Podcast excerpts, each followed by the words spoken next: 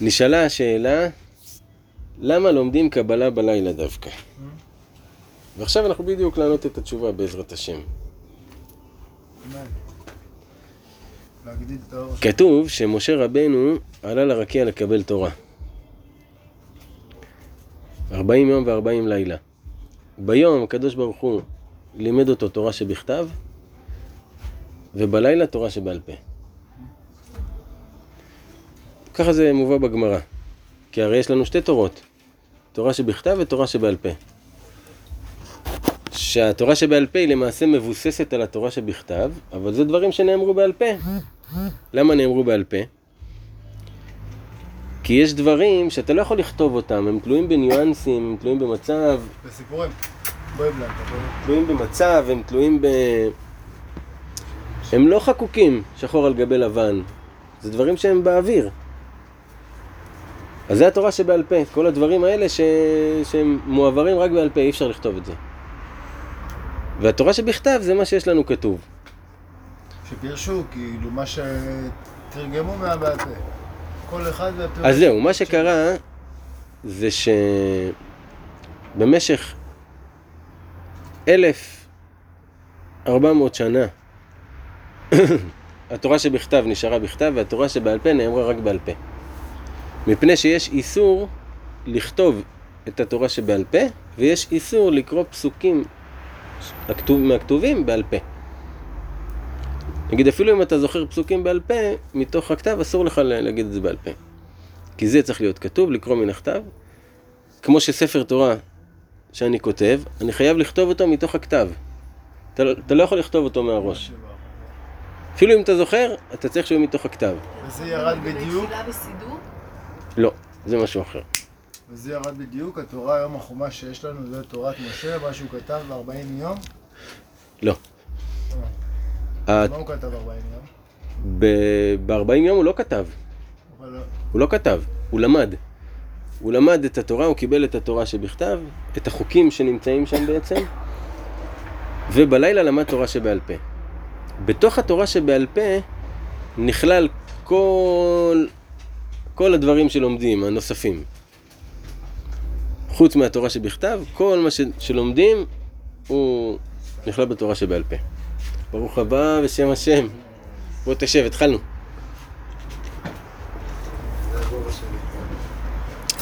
אז אה, זה נושא אחד.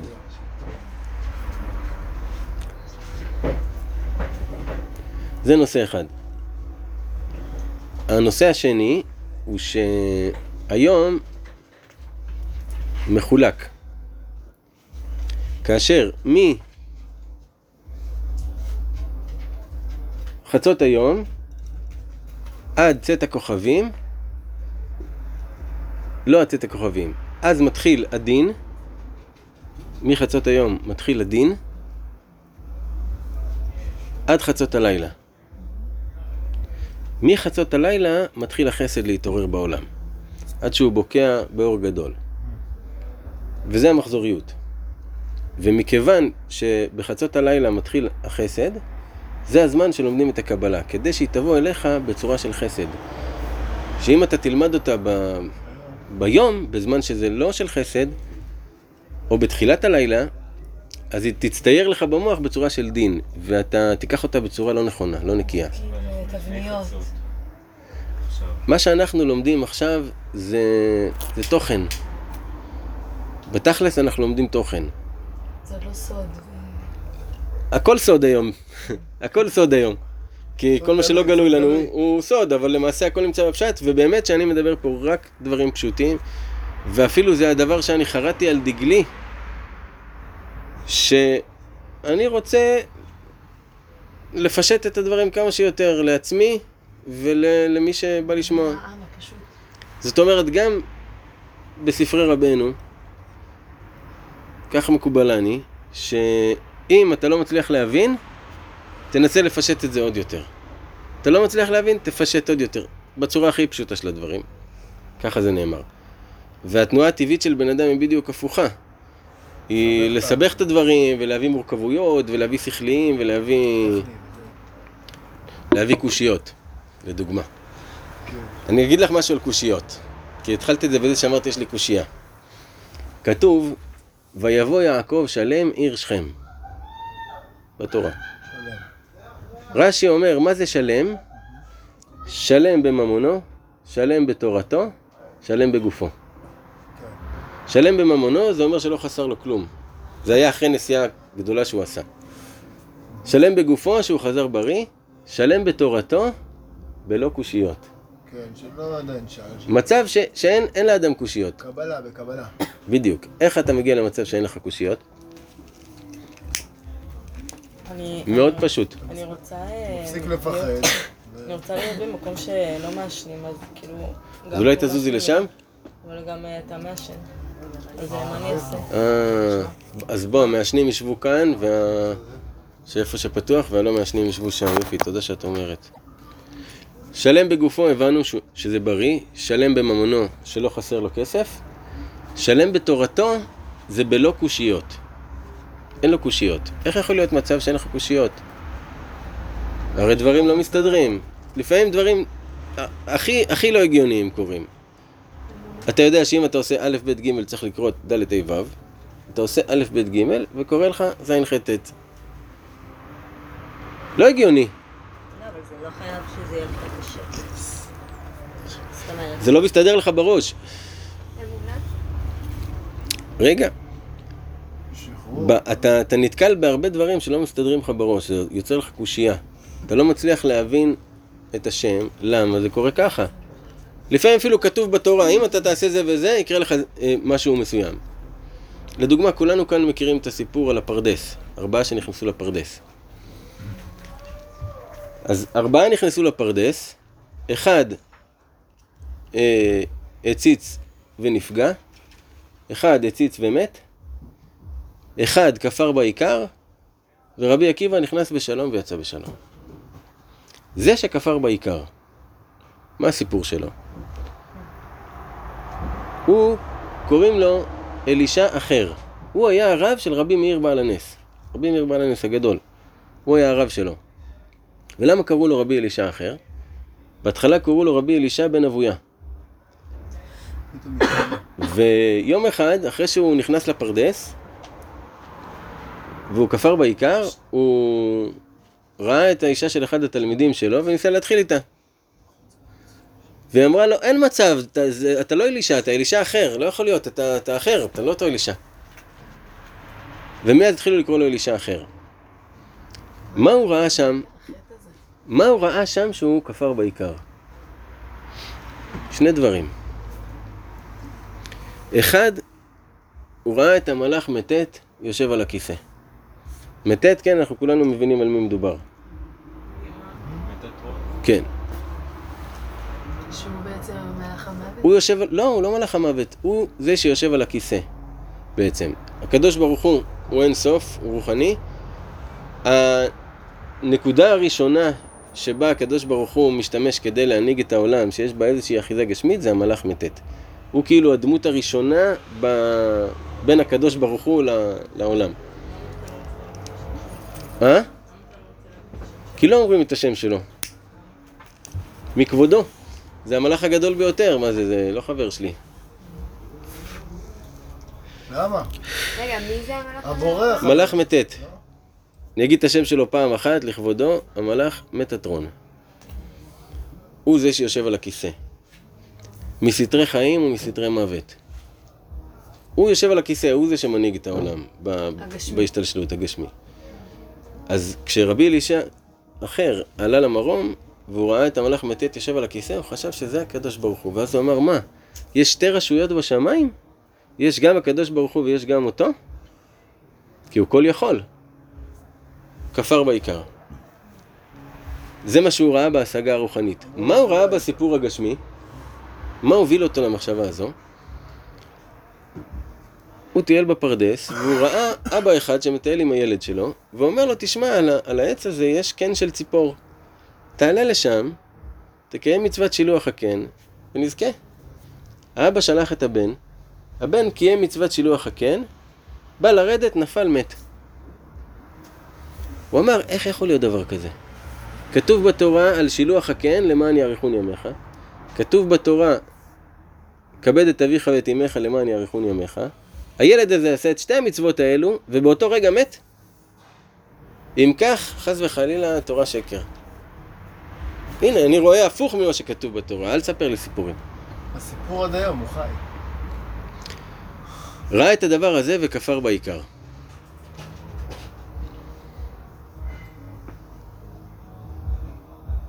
ומה זה הדבר הזה בעצם? זה בדיוק הקושיות שאני מדבר עליהן. אתה רואה הפוך ממה שצריך לקרות, הפוך, יש לך קושייה, זה לא מסתדר. הפוך.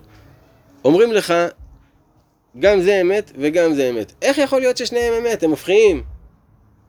זה לא מסתדר לך במוח, זה עושה לך קצר. זה מה שנקרא בפסיכולוגיה דיסוננס.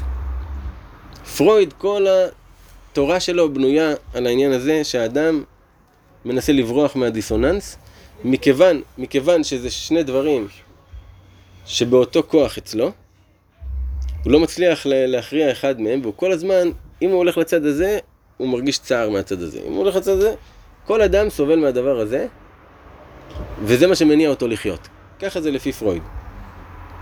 הרצון להשקיט את הדיסוננס זה מה שמניע אותך לפעול בחיים.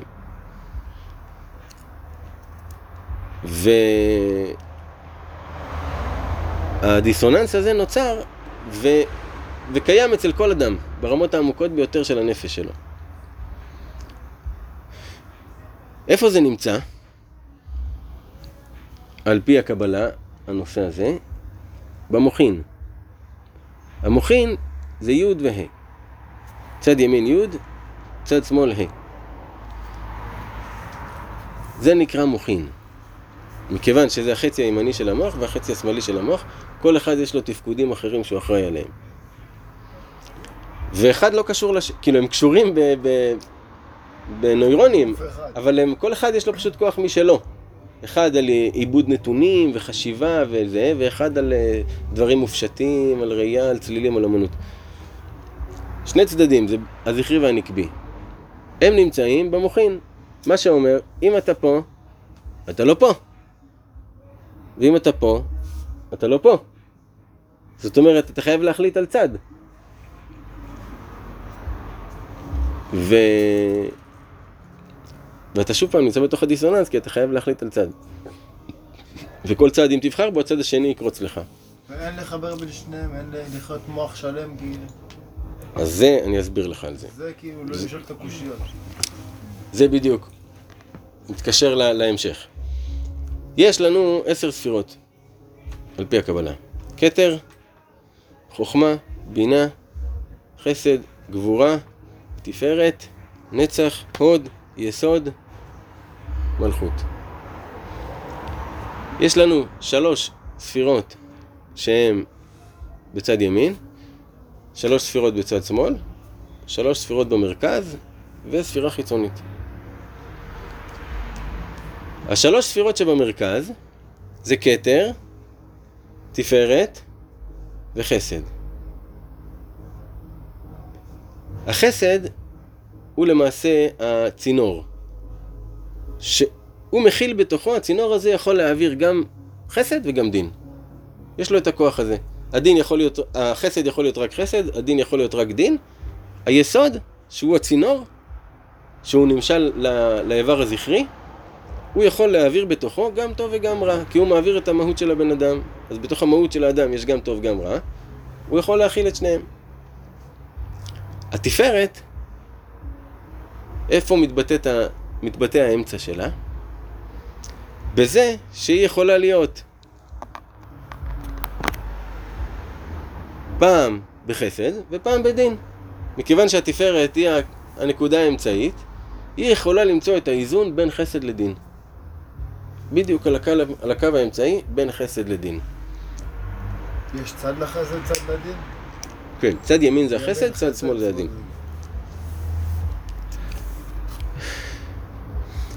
עכשיו, אז התפארת, אם כך, היא נמצאת בין החסד לבין הדין. ואילו הכתר, שהוא חיצוני לאדם, הוא בעצם מה שמקיף את האדם, מה ש... נקודת המגע של הגולגולת שלך עם האוויר שמעליך, שם הכתר נמצא. כאילו, הוא נמצא ולא נמצא, אי אפשר לה, לה, להגיד זאת הנקודה. כי זה נקודת חיבור שלך ושל האינסוף. זה הכתר. והכתר, האמצע שלו מתבטא בכך שהוא יכול להכיל את שני הצדדים. הוא יכול להכיל כן ולא ביחד. שחור ולבן ביחד.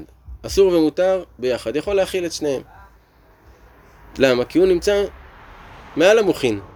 למטה במוחין אתה לא יכול, אתה צריך לבחור צד. מעל המוחין הוא מכיל כבר את שניהם. והכתר, הצורת חיים הזאת שיכולה להכיל שחור ולבן ביחד וכן ולא ביחד, זה הצורת חיים שרבי נחמן מלמד. איך לחיות חיים מתוך הכתר. חיים מתוך זה שאתה מסוגל להכיל בתוכך הפכים, וזה לא הופך לך לדיסוננס ולא מטלטל את עולמך, ואתה מקבל את זה בשוויון נפש, ששני דברים הפוכים יכולים להתקיים בו זמנית. לא יודע איך. אני מאמין שזה יכול. האמונה אני לא יודע שזה אפשרי, כי אם הייתי יודע, זה כבר היה נכנס במוחין שלי, זה היה צריך להיכנס לתוך המוח אם אני יודע. זה היה יורד מתוך הכתר. ואם זה נכנס למוחין, אני צריך לבחור צד, זה חיובי או זה שלילי. אז אם כך, אם אני רוצה להסתכל מהכתר, אני לא יכול להבין את זה, אבל אני יכול להאמין שזה ככה. ככה ואת כל המרכבה בשביל להפעיל את החרדית. זה לא כזה מורכב, זה למעשה פשוט מאוד. זה לסלק את המוחין שלך ולהאמין. ולחשוב עם הבטן. לא, לחשוב, לחשוב זה במוחין. לחשוב עם הבטן.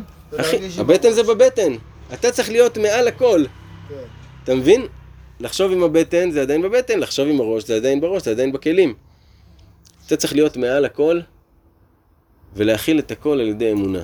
אני מאמין שככה הכי טוב. מה אני אעשה? מאמין ככה. כאילו.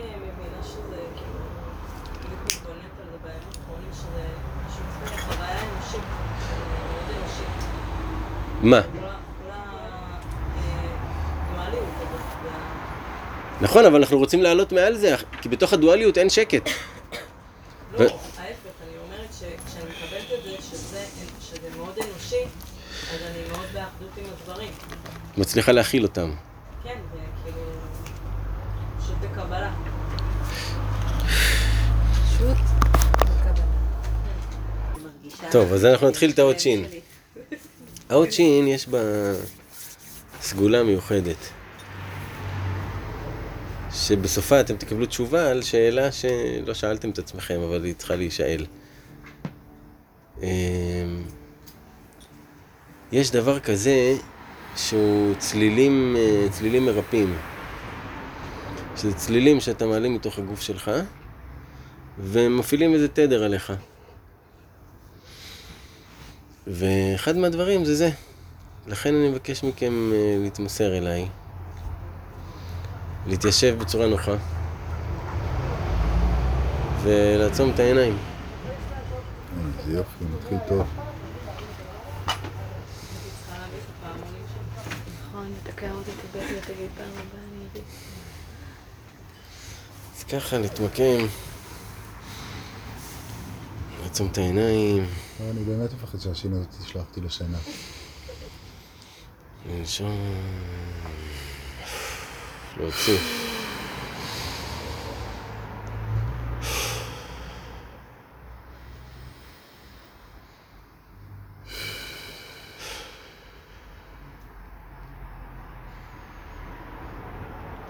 זהו, ועכשיו לנשום מהאף, נשימה עמוקה, לאט.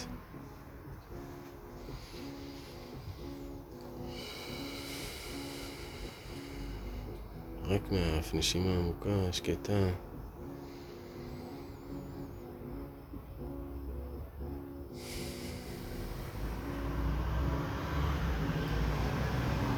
לנסות להשקיט את הנשימה כמה שאפשר.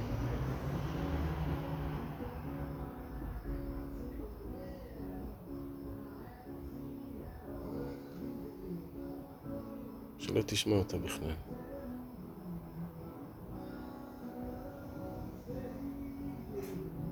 לאט לאט.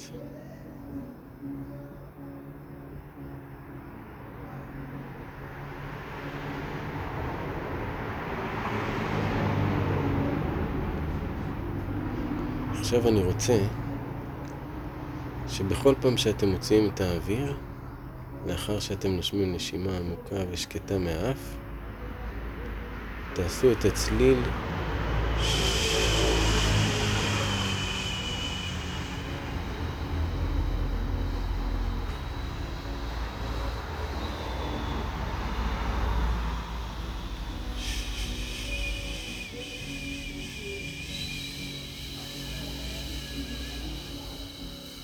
לנסות שהוא יהיה כמה שיותר שקט, הצליל.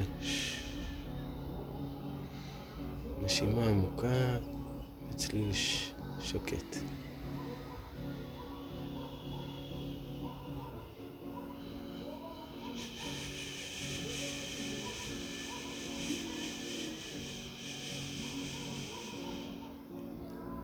להרגיש את השין מתגלגלת באוויר בין הלשון לשיניים, לשפתיים.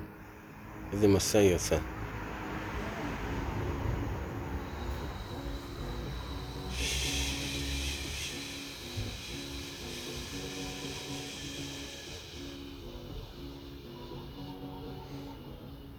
איזה צורה יש בפה שלנו כשאנחנו עושים את הצליל של שין. כמה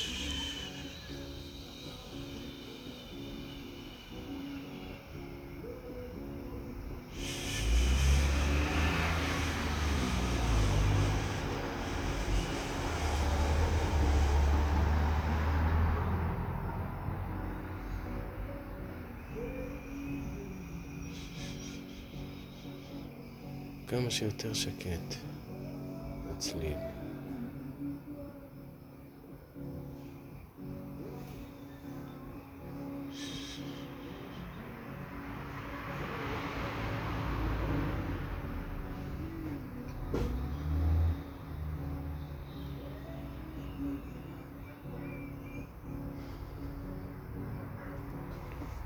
עכשיו לאט לאט קצת להזיז את הידיים. להזיז את הרגליים.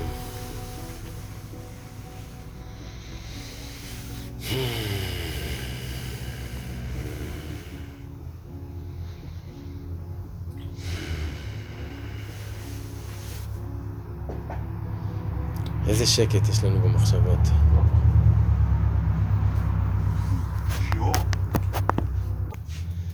איזה שקט השגנו במחשבות. עם הצליל ששש. לא סתם הצליל הזה ישתרבב, כשרוצים להשתיק משהו עושים לו. מכיוון שהצליל הזה הוא משתיק את המחשבות. לכן כשיש לך סערה רגשית או סערה של מחשבות, של עניינים, זה, תעשה לך כזה דבר.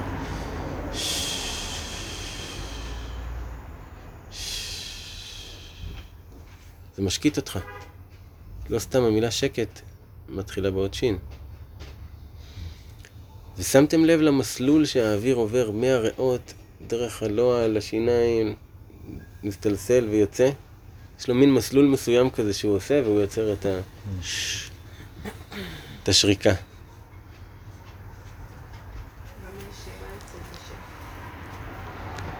אם כך, אני חושב שחוויה זה יותר חזק מהרבה דיבורים.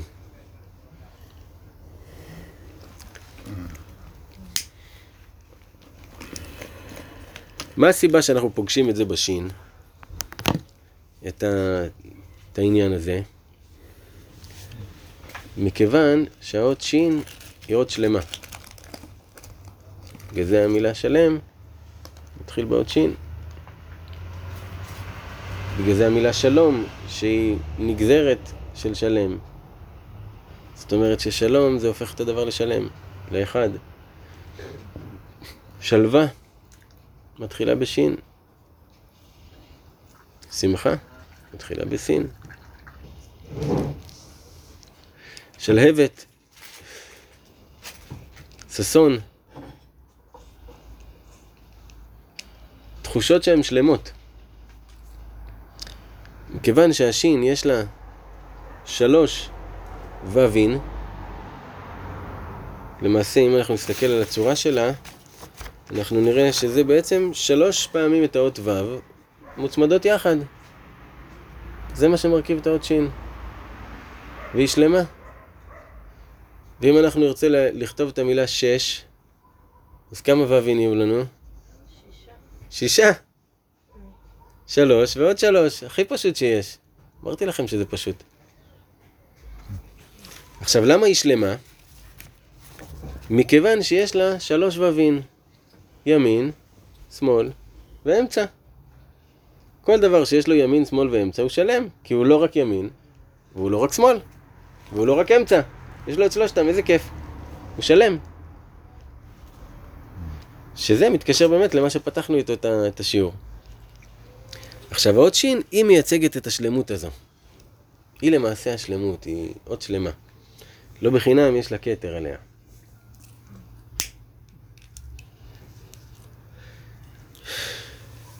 עכשיו, אם אתם זוכרים, מהשיעורים הקודמים, אנחנו פותחים כל אות בסיפור שלפני בריאת העולם, כל האותיות נכנסו לפני הקדוש ברוך הוא, ואמרו לו, אנחנו רוצים שתברא בנו את העולם. כל אות באה, הציגה את הצד הכי חיובי שלה, ואמרה לו, הנה, מגיע לי שתתחיל את, ה, את, ה, את הבריאה בי. נגיד, במקום שיהיה כתוב בראשית, יהיה כתוב שראשית. אז, אז בהקדמה של ספר הזוהר מובא הדו-שיח הזה. כל אות, מה היא אמרה לקדוש ברוך הוא. אז כל שיעור אנחנו פותחים בזה שאנחנו אה, מספרים את הסיפור הזה. נכנסה האות שין לפניו. אמרה לו, ריבון העולמים, נוח לפניך לברוא בי את העולם, שבי נקרא שמך שדי. היא אמרה לו, טוב שתברא בי את העולם, כי השם שלך, שם שדי, מתחיל בי. מה זה שם שדי? שאמר לעולמו די. זה מה שחז"ל כותבים על שם שדי. שאמר לעולמו די. זה למעשה השם שמייצג את הגבולות. בגלל זה על המזוזה כתוב את השם שדי. שד די. עד לכאן יש לך כניסה. לא נותן לו להיכנס. זה שם של גבולות, שם ששומר על גבולות. והעולם הזה נברא בגבולות, נכון? מה הגבול של העכבר? עד לפה. מה, מה מפעיל? לא, מה הגבול? הגבול אה, הפיזי הגבול שלך. עד לפה. הכי רחוק שלך. עד לפה הכי גבוה שלך. זה הגבולות. כל דבר הוא נבדל מהשני בגבולות שלו. אז השם של ההבדלה זה שם שדי, בדיוק זה. זה השם קודש שמשמש את זה.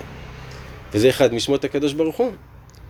אז השין אומרת לו, תשמע, הכי מתאים שתברא בי, הרי זה גם ככה עולם של גבולות, גם ככה זה אחד מהשמות שלך, בואו נברא בי, הכי מתאים. תראו איזה תשובה עונה לה. הוא אומר לה, ראויה את וטובה את. קארין, ראויה את וטובה את. ואמת את. אבל, הואיל והאותיות של הזיוף נוטלים אותך להיות עמהם, איני רוצה לברוא בך את העולם. הואיל והאותיות של הזיוף נוטלים אותך להיות עמהם, איני רוצה לברוא בך את העולם. מי אלה האותיות של הזיוף? שלוקחות את השין עליהם? בואי תתקרבי. שקר. ו', שמעתם מה אמר?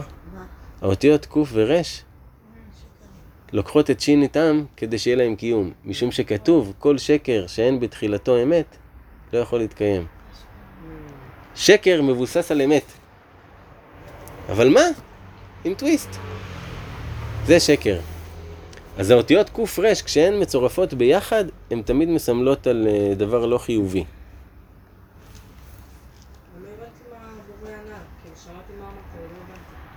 שהוא אמר לה, בגלל שק' ור', מתי שהן רוצות לעשות משהו לא טוב, הן לוקחות אותך איתם, ואז מה נוצר? שקר. תמיד שמחתי שאמא שלי שמה לי את האלף. לא ידעתי למה.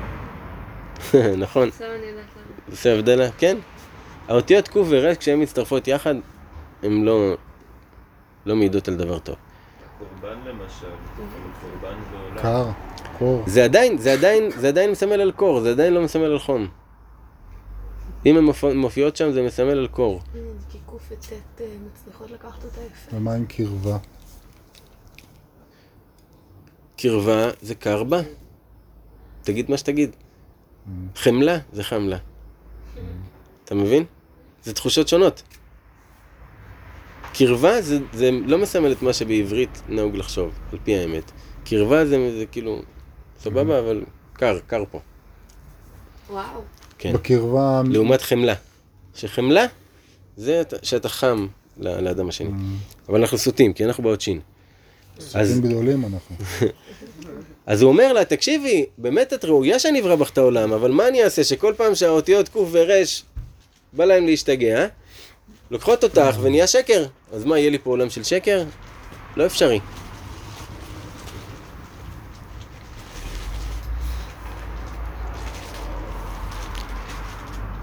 כיוון שראתה כך, יצא מלפניו. אמרה, וואלה, צודק. יצא מלפניו. כן. אז עכשיו.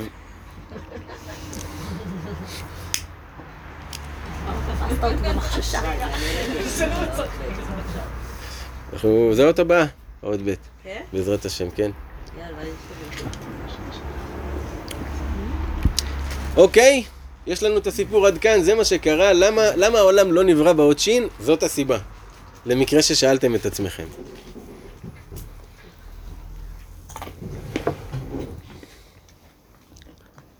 עכשיו, מה מובא בספר יצירה לגבי אות שין? המליך אות שין באש, וקשר לו כתר, וצרפן זה עם זה, וחתם בהם שמיים בעולם, וחום בשנה, וראש בנפש. זכר ונקבה. המליך עוד שין באש. מה זה אומר? שעוד שין ממנה, ממנה משתלשלת האש. אז תשאלו אותי, רגע, אבל אש מתחיל באיזה אות? אז מה אתה אומר ששין זה אות של האש? הוא מתחיל באלף. אבל מה למדנו שהאלף זה? אוויר. השין העליונה היא לא צריכה א' כדי להתקיים, אבל בעולם הזה מה שין צריכה כדי להתקיים? אוויר. מה האש צריכה בשביל שהיא חייבת אוויר? אז בשביל, בגלל זה בעולם הזה האש נקראת. בגלל זה זה נקרא אש עם א' לפני השין, כי חייב אוויר בפנים. אבל למעשה, שין, ממנה משתלשל האש. מהאות שין משתלשל האש. זאת אומרת שהיא. מה לעשות?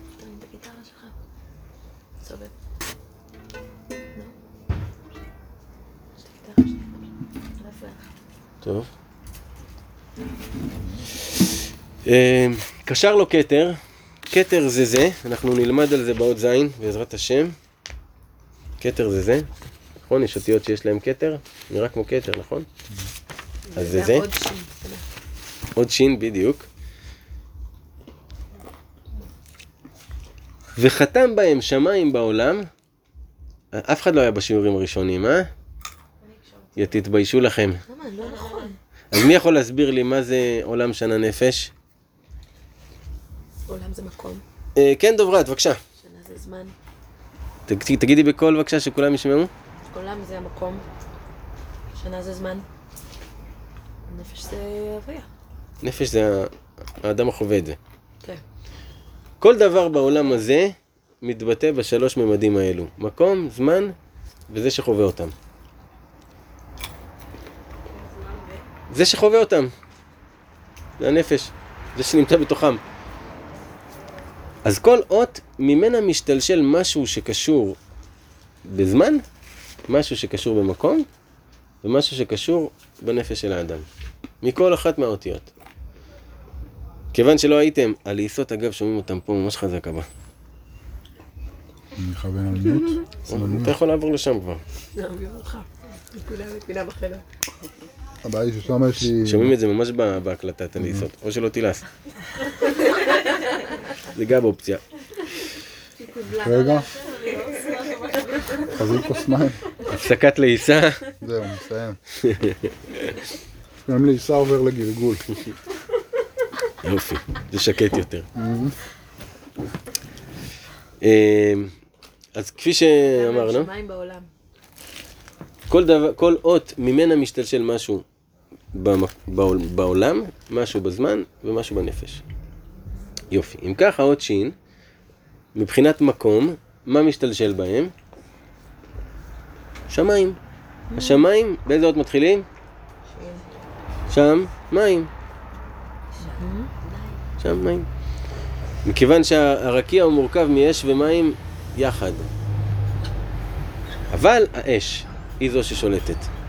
מכיוון שמים ואש לעולם לא יכולים להתמזג, לעולם לא יכולים להתמזג. האש, המים מכבים את האש. לא יעזור, מה לעשות. למה? כי הם חונקים לו את האוויר, והוא לא יכול להתקיים. אז המים חונקים אש. הדרך היחידה שיכולה להיות אינטראקציה חיובית בין אש ומים, זה כשיש להבה ועליה סיר עם מים. חייב חומר מבדיל ביניהם שהאש מחממת את המים. שום דרך אחרת זה לא אפשרי. לכן, השמיים מתחילים באות שין, שהשין שולטת במים. השין מחממת את, ה, את המים. כאילו, זה בעצם הפירוש של המילה שמיים. אז השמיים משתלשלים מהאות שין.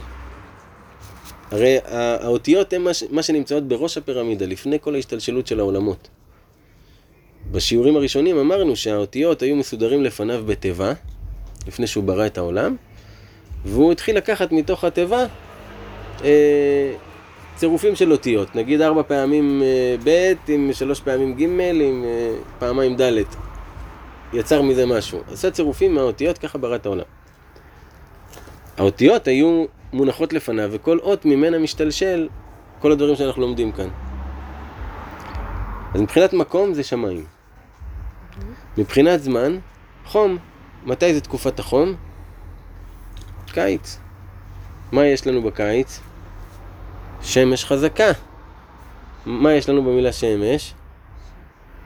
פעמיים שין עם הם בתוכם. זאת אומרת, שיש קצת אה, מים בשמש, באש. באש, אש אש עם מעט מים. בדיוק. וראש בנפש. בגוף האדם, איפה הש... מה משתלשל מהאות שין? הראש. רגע? שבנפש, מה שמשתלשל מהאות שין זה ראש. איפה הראש שלך? איפה הוא? תצביעי לי עליו. יופי. למה ראש מתחיל בריש? יפה, שאלה טובה, דובי, חיכיתי שמישהו ישאל את זה.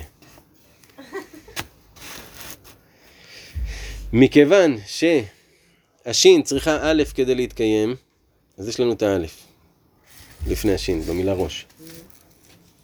והרש, אנחנו נלמד אליה, היא אות הרטט. כל דבר חי צריך שיהיה בו רטט. אם הוא סטטי, הוא לא חי. מכירים את הסימן הזה של ה-EKG? ברגע שהקו ישר, מה זה אומר? השם ישמור. חייב להיות רטט. רטט זה אומר למעלה למטה. עכשיו, בשביל שהאש, שהמוח או שהשכל בכלל יפעל, צריך רטט, שיהיה חיים בעצם. בגלל זה המילה ראש מתחילה ברש. נכון, אבל לא ניכנס לעוד שאלה. תרשמי לאות רש.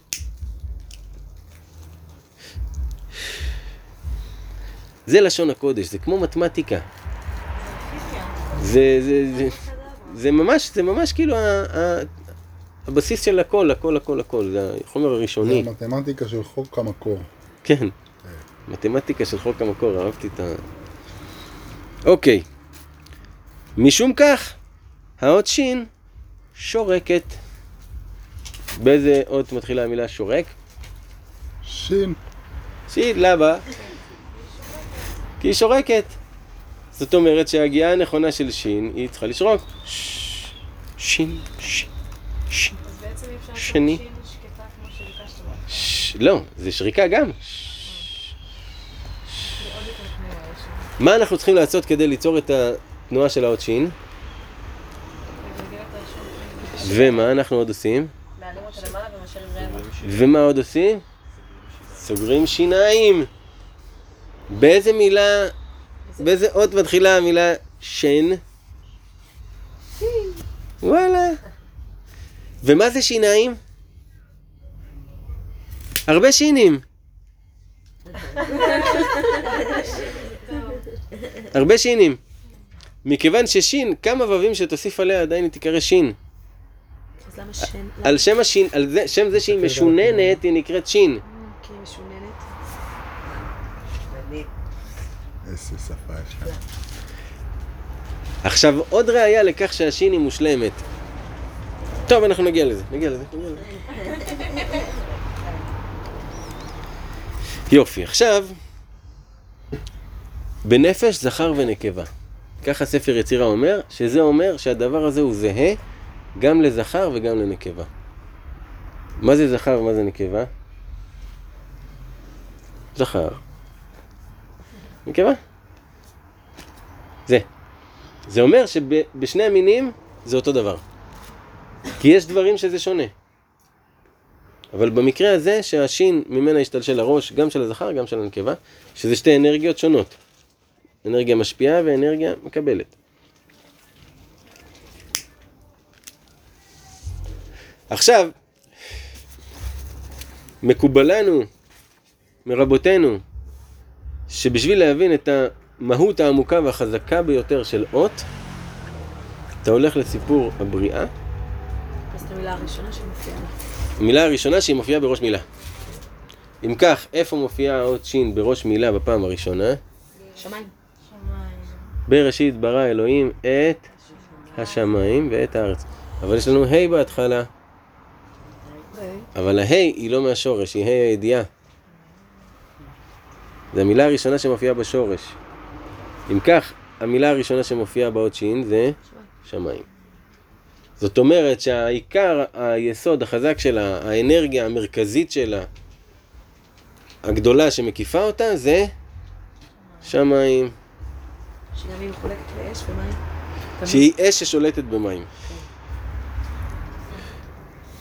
זה האנרגיה הכללית, הגדולה ביותר שמקיפה את האות שין.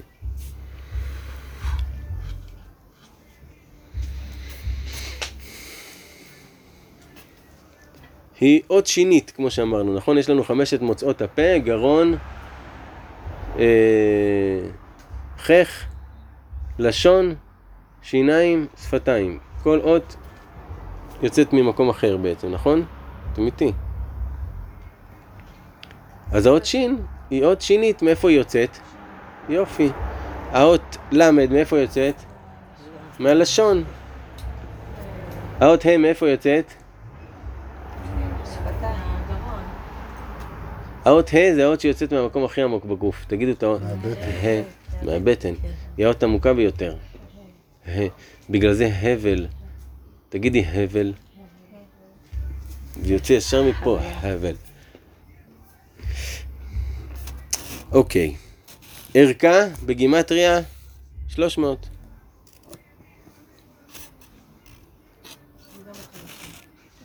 נכון. מייצגת את כוכב פלוטו. מה זה אומר שהיא מייצגת את כוכב פלוטו? שמהאות שין הכוכב פלוטו משתלשל. אני לא יודע את השם, ה... איך הוא נקרא בעברית, הכוכב פלוטו, אבל אני כן יודע שהאנרגיה שלו זה שהוא כל הזמן שורף את עצמו, כאילו הוא משמיד את עצמו ונבנה מחדש. זה האנרגיה שלו כל הזמן. שזה בעצם כמו צ'ין, כמו אש. אני חושב שפלוטו בעברית זה שבתאי? לא. אה? אני לא יודע להגיד, אז אני לא אגיד. סתם, מעניין זה קשור, כאילו הפלנטה הכי רחוקה. בעולם. עכשיו, האות שין, אם אנחנו כותבים אותה במילואה, אבל לא הגיוני שיש שבתאי נניח או משהו? לא שבתאי זה זה יכול להיות, יש לזה שם, אני לא טרחתי למצוא אותו, מתנצל. לא, לא עכשיו, לא עכשיו, בסדר? כל הקשב וריכוז. חוזרים לכאן. אם אנחנו לוקחים את האות שין, ואנחנו כותבים אותה שין, שין יוד נון. כן? פותחים אותה. כמה נקבל בגימטריה? 360. הופה! עוד פעם, עוד תחזור על זה? שין, אם אתה כותב אותה שין יוד נון, פתחת אותה. כמה זה בגימטריה? גול? כמה מעלות יש בעיגול שלם? הופה. דברים שנתגלו עם הזמן. אבל השין כבר הייתה. זה כל הדברים האלה רק משתלשלים ממנה. היא עומדת בראש.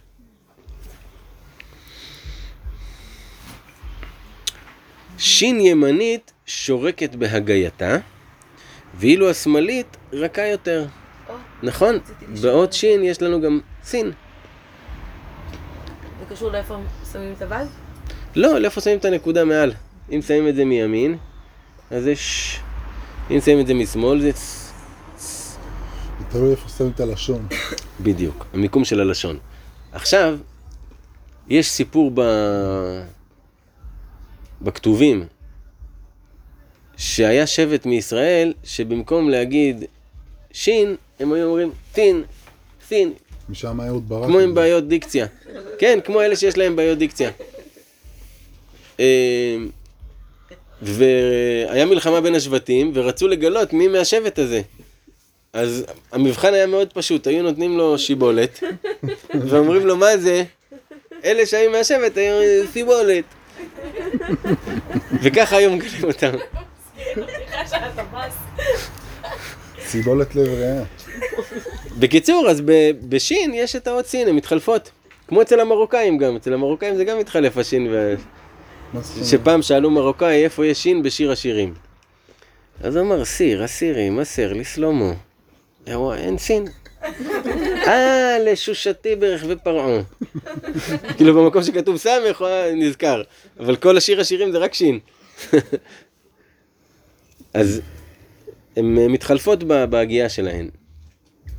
כשה... בעצם, כשהנקודה נמצאת בצד שמאל, על מה זה מרמז לנו? דין. בשמאל. שמאל זה דין, ימין זה חסד. אז אנחנו יכולים לראות שהמילה שנאה, המילה שטן, דברים שהם שליליים, אבל אז תשאלו אותי, רגע, מה עם שמחה? מה עם ששון? שלמעשה שמחה וששון זה אש מרובה. אש מרובה ש- שאתה, יש לך בתחושה הזאת. גם השמחה וגם הששון, הששון זה אפילו יותר. וגם בשלילי יש אש מרובה. אם, אם. אם לוקחים את זה, בדיוק. זה מסמל על אש מרובה.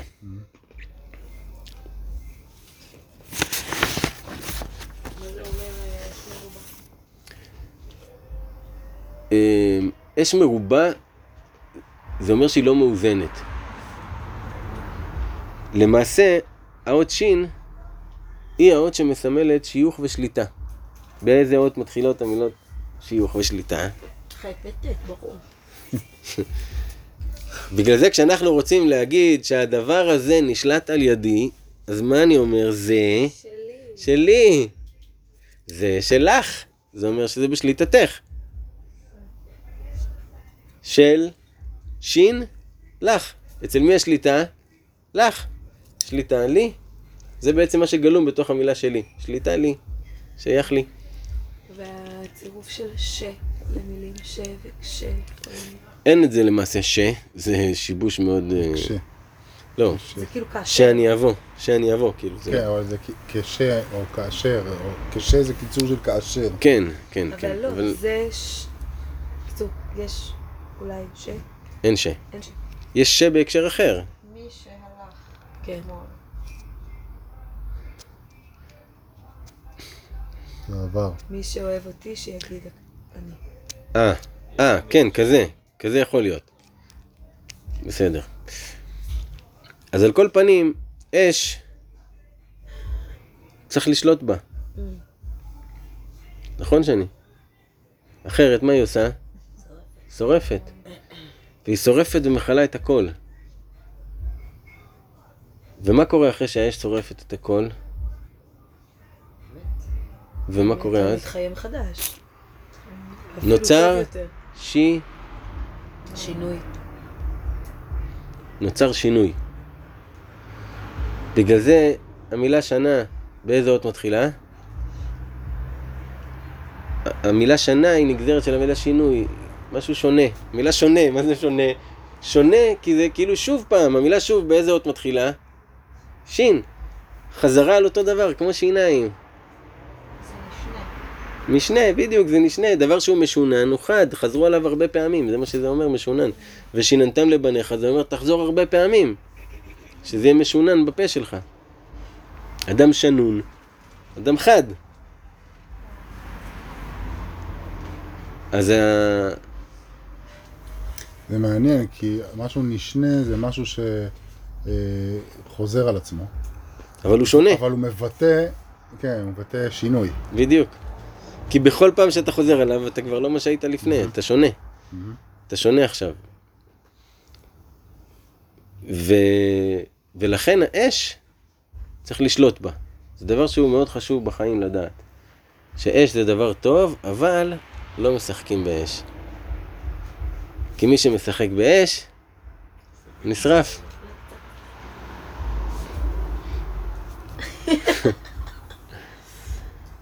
ולכן אש צריך לדעת לשלוט בה.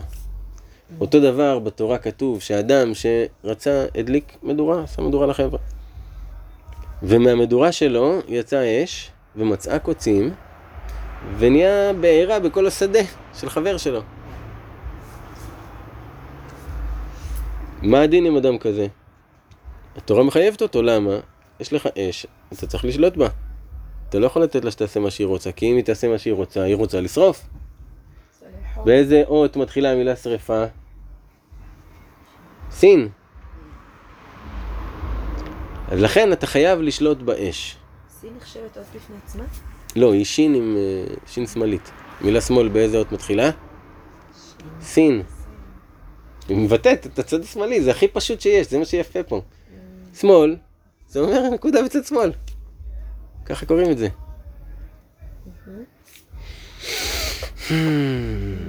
עכשיו, עוד דבר. מה הדרך היחידה לגרום לדבר להתכלות? זה לשרוף אותו. כשהאש שורפת את הדבר, היא בעצם מחזירה אותו לחומר הראשוני שלו. לעפר. היא מוציאה ממנו את כל מה שיש בו ומשאירה ממנו עפר. זאת אומרת שכל הכוח של השינוי הוא טמון באות שין.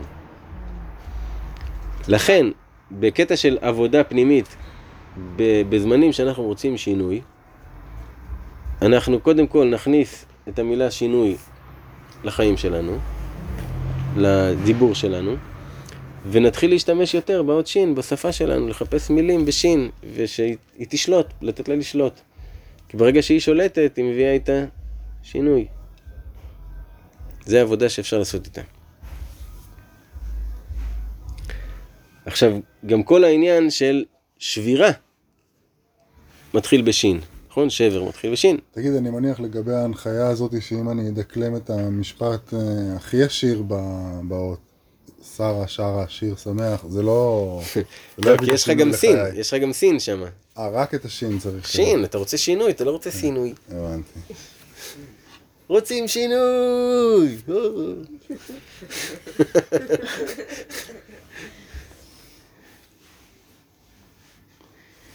יפה.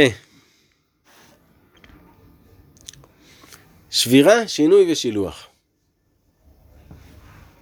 מה זה שילוח? בעצם מה, מה, מה זה שאתה שולח משהו? הוא, הוא כאילו אתה, נכון? זה יד ארוכה שלך, שאתה, שאתה שולח שליח, זה יד ארוכה שלך. וגם המילה שליח מתחילה בשין. זאת אומרת שכל דבר שהוא מסמל על, על שינוי בדבר, הוא קשור לאות שין.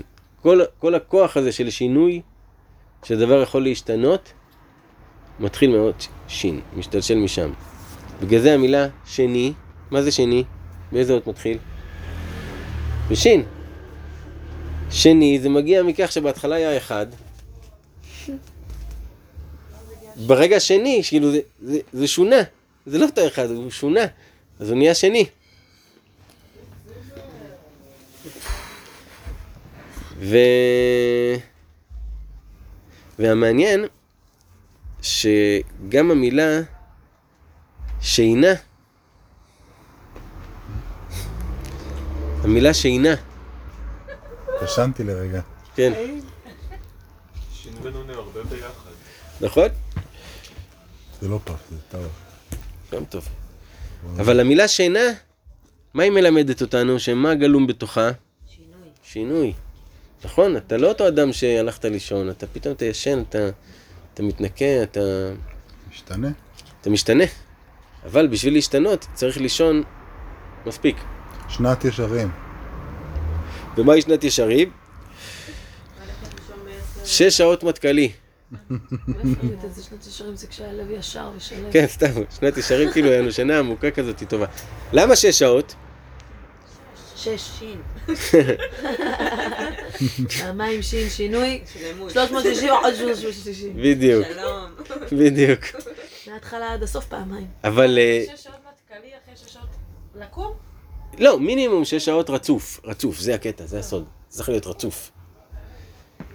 כי, כי קורה משהו, קורה משהו לאחר אה, כמה שעות, שהגוף נכנס למוד של אה, הרפאיה עמוקה. יותר מהשינה שנגיד, נניח שזה שלוש שעות, אני לא זוכר בדיוק מתי. בשלוש שעות הראשונות נניח, הוא רק מתחיל להרפות את עצמו, ובשלוש שעות השניות הוא מתחיל לרפא את עצמו.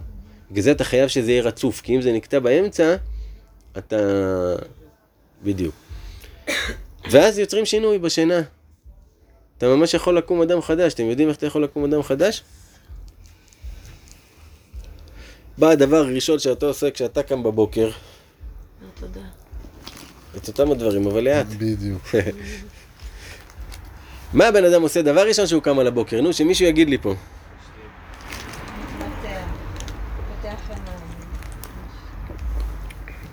עוד לפני. מה זאת אומרת? מוצאים מצב טיסה, פותח לראות מרדפים, מה כולם פה מיתממים? עוד הרבה לפני. אם תתבוננו טוב טוב טוב טוב טוב טוב טוב טוב טוב על המחשבה הראשונה שלכם שאתם פותחים את העיניים וקמים בבוקר, המחשבה הראשונה. איפה אני? איפה אני? מי אני? מה אני? מה המצב שלי? רגע, הופה. אז אתה אומר מודה אני, אז אתה עושה את כל הדברים. קודם כל, השנייה הראשונית של המחשבה זה איפוס מי אני, מה אני, מה קורה, מה, איפה אני, איזה יום היום, כל, כל הנתונים הבסיסיים. פה, בנקודה הזאת, גם בזה יש. שחזור. שחזור, שחזור מערכות. פה בנקודה הזאת, אתה יכול לשנות הכל. לשנות, בשין. איך אתה יכול לשנות הכל? שמעתם אותה? תגידי לנו בבקשה, שירה. שיר חדש. שיר חדש, השיר הלך. פשוט לספר סיפור טוב. כל הדברים האלה שיש טובים בחיים שלך, ולכל אחד יש גם כמה דברים טובים, שהמחשבה הראשונית שלך בבוקר היא תהיה על זה. רגע, כשמי אני, מה אני, איפה אני? אה, רגע, אני... אני זה וזה, אה, נכון, אני זה וזה, איזה כיף. ככה, החיים שלך משתנים לגמרי לגמרי. ושימו לב, זאת, זאת נקודת מחשבה שאתם לא חשבתם עליה בכלל. על הנקודה הראשונית שהמוח שלך עושה את האיפוס הזה. שם אתה יכול לשנות. אבל זה, זה לא פשוט, צריך להזכיר לעצמך את זה. ולא להתייאש. כי כל יום הוא יום חדש. ברוך אדוני לעולם, אמן ואמן. שאלות בבקשה, יקיריי, אהוביי ומתוקיי. ששימחתם אותי מאוד, דרך אגב, כל אחד ואחד שבא היום שימח אותי מאוד. כי אני אחרי תקופה שלא עשיתי את השיעור, וקודם כל אמרתי לעצמי שאני אעשה שיעור, ואז הפנמתי את זה, שאני עושה שיעור, ואז השיעור יתקיים. איזה כיף. תודה שהורדת כן. את זה במילה, כדי שזה יבוא על פני אדמה. כן, ברוך השם. והשיעור גם הוא טומן בחובו שינוי. בגלל זה מילה שיעור, מתחילה באות. נכון? עכשיו תתחילו להתבונן על המילים שמתחילות באות שין. מה עם המילה שם? למה השם במילים האותיות? מה? שם. למה השם במילים האותיות? השם? מה זאת אומרת השם? כשאומרים השם. למה אומרים ברוך השם? כי כולם מתכוונים לאותו אחד, אבל יש לו מלא שמות. אבל למה המילה שם? בגלל זה. אה, בגלל שהוא בריבוי?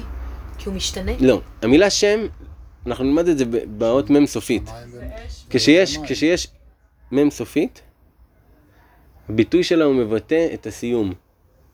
בגלל זה המילה סיום מסתיימת במ"ם סופית. אי ריבוע סגור מכל צדדיו, אטום. זאת אומרת שהשין מחוברת למ"ם, השין אטומה. זאת אומרת, האש של האדם, הנשמה שלו, היא בתוך המ"ם סופית, זה, זה הוא, זה הנשמה שלו בתוך כלי. זה ברגע שהוא מקבל שם. עכשיו לגבי השם, למה אנחנו אומרים השם? כי כל אחד, מת- כולנו מתכוונים לאותו אחד, אבל כל אחד קורא לו בשם אחר. אז השם, אותו זה שיש לו את השם, זה שאתה מתכוון אליו, כלים שונים. כן, לא זה שאתה מתכוון אליו, אתה יש לך שם אחר לקרוא לו, אבל אם אתה תקרא לו, לי תהיה התנגדות לזה, ואם אני אקרא לו בשם שלי, לך תהיה התנגדות לזה, השם, אותו, אותו אחד. עכשיו יש לי עוד שאלה. בבקשה שני. נשמה, נשמה. יש לנו נון וה' ובפנים מה יש לנו? תחכי לאות נון ותשמעי. אז גם לי יש שאלה וגם יש לי איזה קריצה קטנה של משהו שזה לא חייב להיות בהקלטה. יאללה. אז גם, אה, יש את האות שין שאמרנו שהיא שלוש ו"ים. אבל יש גם, אותיות, יש גם צורה של כתיבה שהיא עם ה... הרגל שלה כמו נצמדת. רואה את זה? זה לא כתיבה נכונה? אה, זה לא כתיבה נכונה. זה כאילו איזה, זה גרפיקה אבל היא לא קשורה. כן. כי יש אותה גם בספרי הקודש, שהיא כאילו, לא, אין את זה. מה את מתכוונת? וואלה, שהיא כזו. קודם כל היא מחוברת פה לירך הימנית בכלל. נכון. היא אמורה להיות מחוברת לירך השמאלית או במרכז. אז גם לא ידעתי זה- וגם מעניין אותי למה. זה, לי יש, לי יש תיאוריה שכל מיני עיוותים כאלה ב- בצורה של הכתיבה, הרי כולה, אני לא יודע מה איתכם, אני יליד תחילת שנות ה-80, אותי הושיבו בכיתה א' עם מחברת פסים, שורות, ולימדו אותנו איך, כמו תוכים, איך כותבים את האותיות. את כולנו לימדו כל מיני עיוותים כאלה קטנים, ש... אתם יודעים למה זה? כדי לעוות את המחשבה בדיוק. לשיבושים. בכוונה אבל תחילה. התחלת להגיד בזה שהיא צמודה לרגל השמאלית. נכון. למה? לכל אות יש הלכות איך היא צריכה להיות כתובה. ויש דבר כזה שנקרא ספקות בצורת האות. זאת אומרת שזה, יש ספק, זה לא באמת נראה כמו שזה אמור להיראות. יש כל מיני ספקות, יש ספקות שהן עדיין בסדר, ויש ספקות שהן לא בסדר, שכאילו זהו, זה מוציא אותה, זה לא האות. ואחת מההלכות של האות שין, זה שהוו האמצעית תהיה דבוקה בנקודה השמאלית למטה. אם זה דבוק בנקודה הימנית זה לא כשר.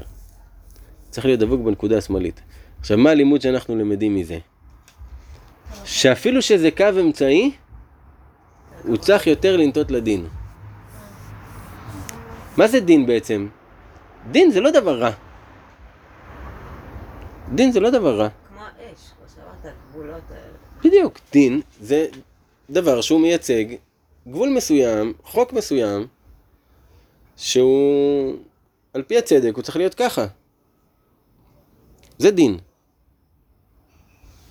אבל אנחנו לא מסוגלים לחיות על פי הדין. כי על פי הדין, אף אחד מאיתנו לא... אין פנינו יפות כלל, כמו שרבנו אומר. כאילו, אם נלך על פי הדין. אבל אצל הקדוש ברוך הוא יש דבר כזה שעוקף את הדין. שזה נקרא חסד. מה זה חסד? חסד באמת. חסד, נכון, על פי הדין לא מגיע לך. אבל אני אעשה איתך חסד ואני אתן לך. איזה מגניב. מה זה אומר למה הוא לא חסד? נוטה באמת לכיוון החסד? הוא נוטה תמיד לכיוון החסד, זאת אקסיומה, זה הנחת יסוד שצריכה להיות לך באמונה. שכל מה שקורה לא, הוא על פי החסד. באות שין, למה היא לא אה, נוטה לכיוון החסד? מכיוון שעדיין אתה צריך לשלוט בה. לשלוט בשינוי. וה- והשליטה, השליטה, אתה צריך להשתמש בדין, אתה צריך להשתמש בכוח כדי לשלוט במשהו.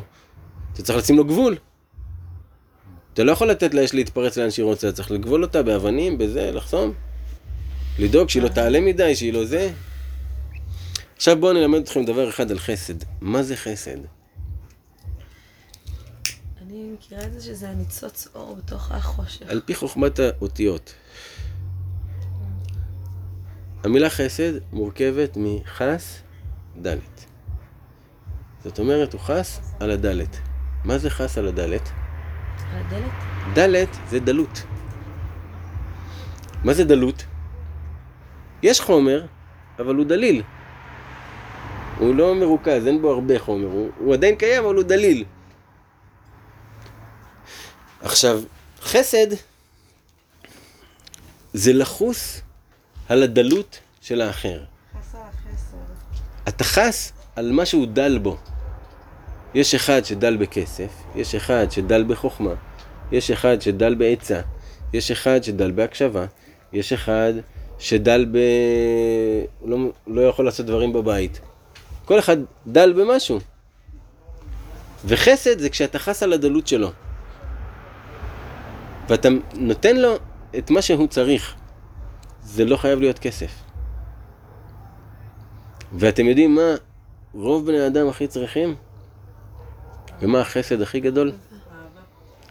תשומת לב. גם המילה תשומת. בדיוק. מה זה תשומת לב? איש חכם פעם לימד אותי. כשבעסק, מה זה תשומה ותשואה? זה מה שאתה שם. מה שאתה שם, מה שאתה משקיע. זה תשומה. תשומת לב זה לב. שאתה תיתן לו את הלב, אתה משקיע בו לב עכשיו. ומה שרוב בני אדם סובלים מהחסר שלו, והוא מניע את כולם מגיל קטן, זה תשומת לב. כל מי שיש לו ילדים רואה שיש מאבק על תשומת לב. והם יעשו הכל כדי לזכות בתשומת הלב שלך. אפילו אם זו תשומת לב שלילית. למה תשומת לב מתחילה בתחת? אנשים מבלבלים בין תשומת לב ליחס. לא, תשומת לב זה שאתה שם את הלב לדבר הזה. עכשיו, הסוד, כדי לקיים את החסד הזה, לא צריך ללכת רחוק.